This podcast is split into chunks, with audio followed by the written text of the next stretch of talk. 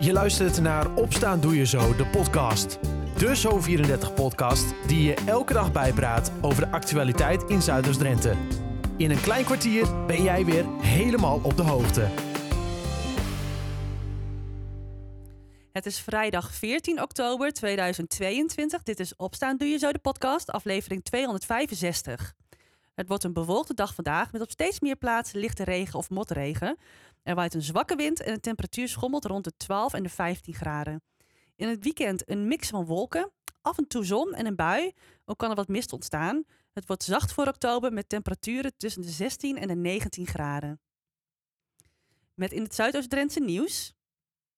Baanwielrenner Roy Efting uit Emmen heeft bij het WK baanwielrennen in Frankrijk brons gewonnen. Op zijn favoriete onderdeel de scratch moest de 33-jarige coureur in de sprint de Canadees Bibik en de Japanner Kuboki voor laten gaan. Gisteren won Maaike van der Duin uit Assen zilver bij de scratch op het WK. Daarmee evenaren ze haar prestatie van vorig jaar. Zometeen meer nieuws uit Zuidoost-Drenthe en hoor je meer over de acties van FC Emmen voor LHBTI acceptatie in de sportwereld. Maar eerst ander nieuws uit Borger Odoorn. De gemeenteraad van Borger Odoorn. Zometeen meer nieuws uit Zuidoost-Drenthe en hoor je meer over de acties van FC Emmen voor LHBTI acceptatie in de sportwereld. Maar eerst ander nieuws uit Borger Odoorn. De gemeenteraad van Borger Odoorn wond er gisteren geen doekjes om. De totale renovatie van het gemeentehuis gaat miljoenen kosten, maar de raad vindt dat dat nu echt moet. Het wordt duurzamer, werkplekken worden verbeterd en ook komt er een nieuwe raadzaal. En in die raadzaal sprak de gemeenteraad gisteravond over de plannen.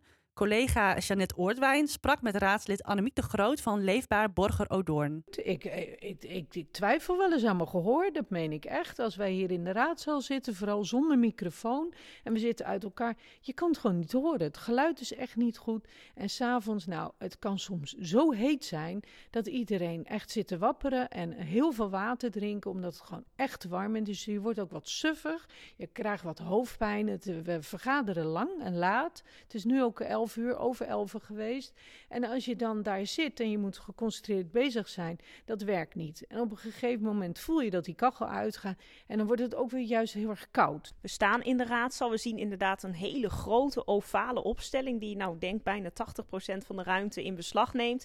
De stoeltjes voor de pers, voor het publiek zijn allemaal heel dicht op elkaar.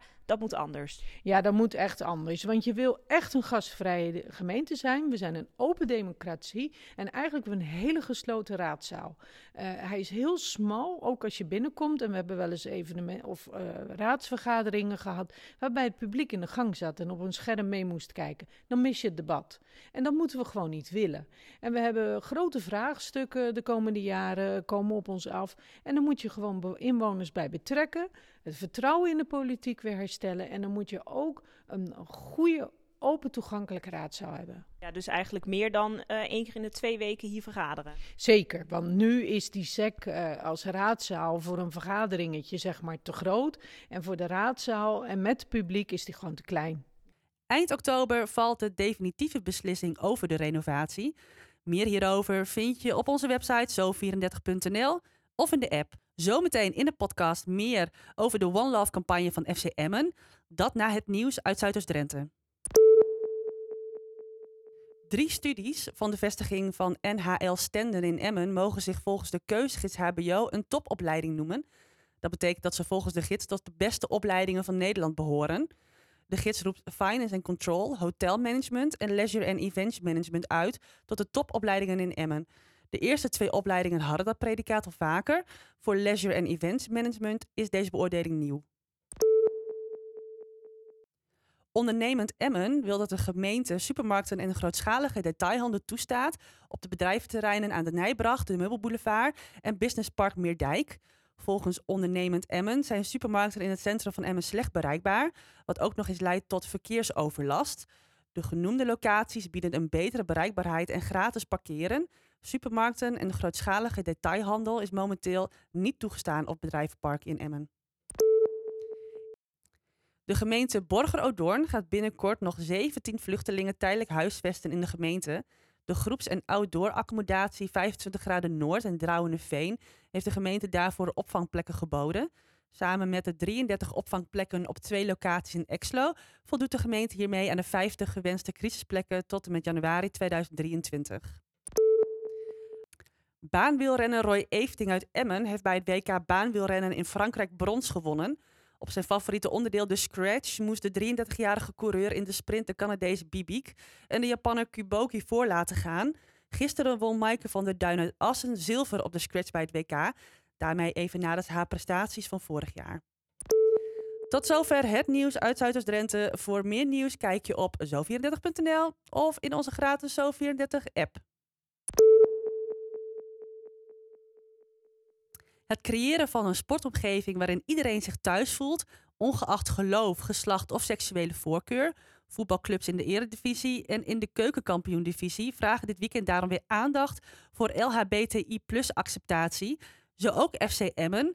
Na sportieve belangen van FC Emmen is de club ook ontzettend maatschappelijk betrokken. Jos Schaart legt uit waarom aandacht schenken aan het thema zo belangrijk is in de sportwereld.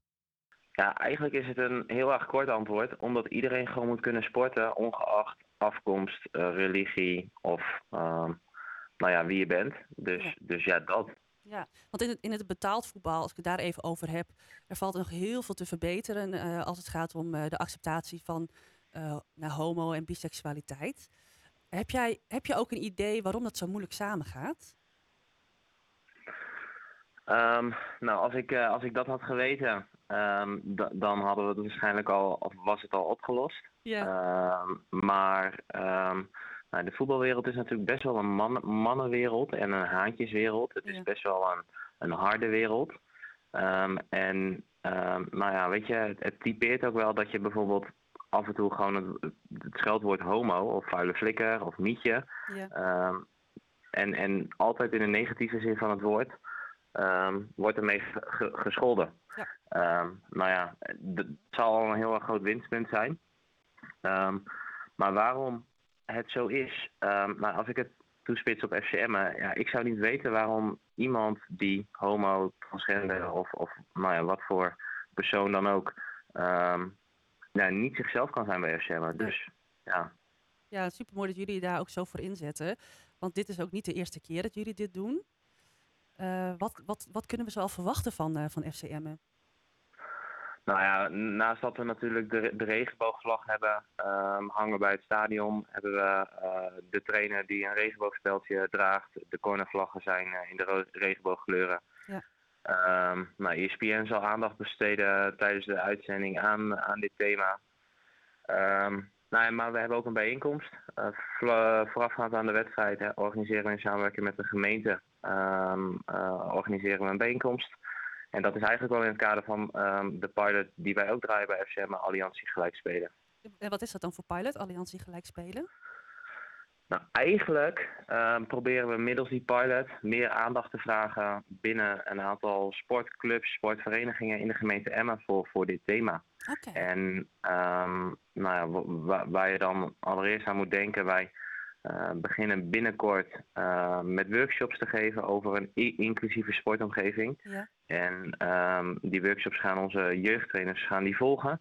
Uh, want juist zij komen veelal met, met onze jeugdspelers in contact en begeleiden die ook. En kunnen uiteindelijk een, een nou ja, inclusieve sportomgeving creëren voor de jeugdleden. Wat goed zeg. Ik denk dat jullie daar ook wel echt een, een voorbeeldfunctie zijn als FCM zijnde om om hier juist uh, uh, iets mee te doen en hier aandacht aan te schenken.